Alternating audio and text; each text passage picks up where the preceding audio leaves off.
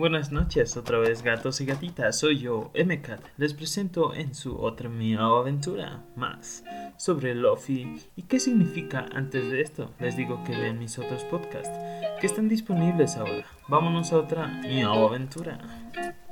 El 21 de junio se celebra el Día de la Música en Kaiku Café Light. No queríamos perdérnoslo, aunque desde aquí somos fans de muchos géneros musicales y nuestra relación de algunas bandas, de especial Inter Unless. Hoy queremos hablaros de una tendencia de un auge, la música lofi, tal y como cuenta el youtuber Jaime Altenson en uno de sus videos recientes, la música lofi o música lofi. Está ligada a la nostalgia o hip hop, a sus ritmos tranquilos más que un género musical. Se trata de una forma de producir canciones con pocos medios o al menos simular.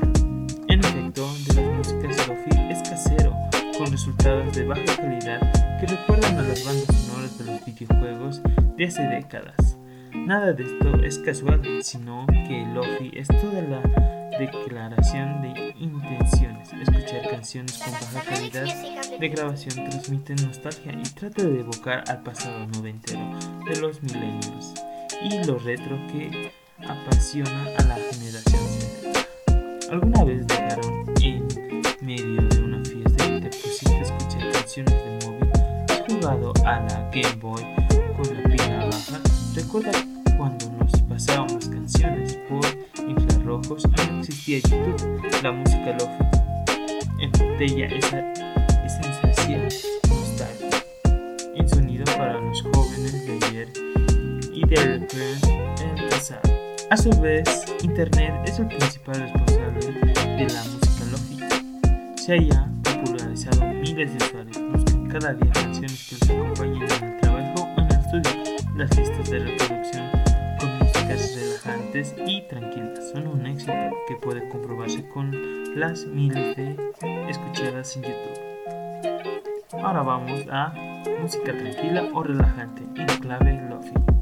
Podemos decir que la música lofi es una vertiente de las músicas independientes con su intratendencia. Sus artistas y sus supuestos sus seguidores, algunos las relacionan con el anime y la figura del productor Nubajes, que encabezó una nueva ola musical, suave, nostalgia y el sonido atmosférico. El Lofi ha llegado para quedarse. Si quieres adentrarte en este estilo musical para, para pasar un buen rato por las listas de reproducción del canal Collect Music o sumérgete entre los artistas de la discografía californiana Records, uno de los grandes emblemas del Lofi.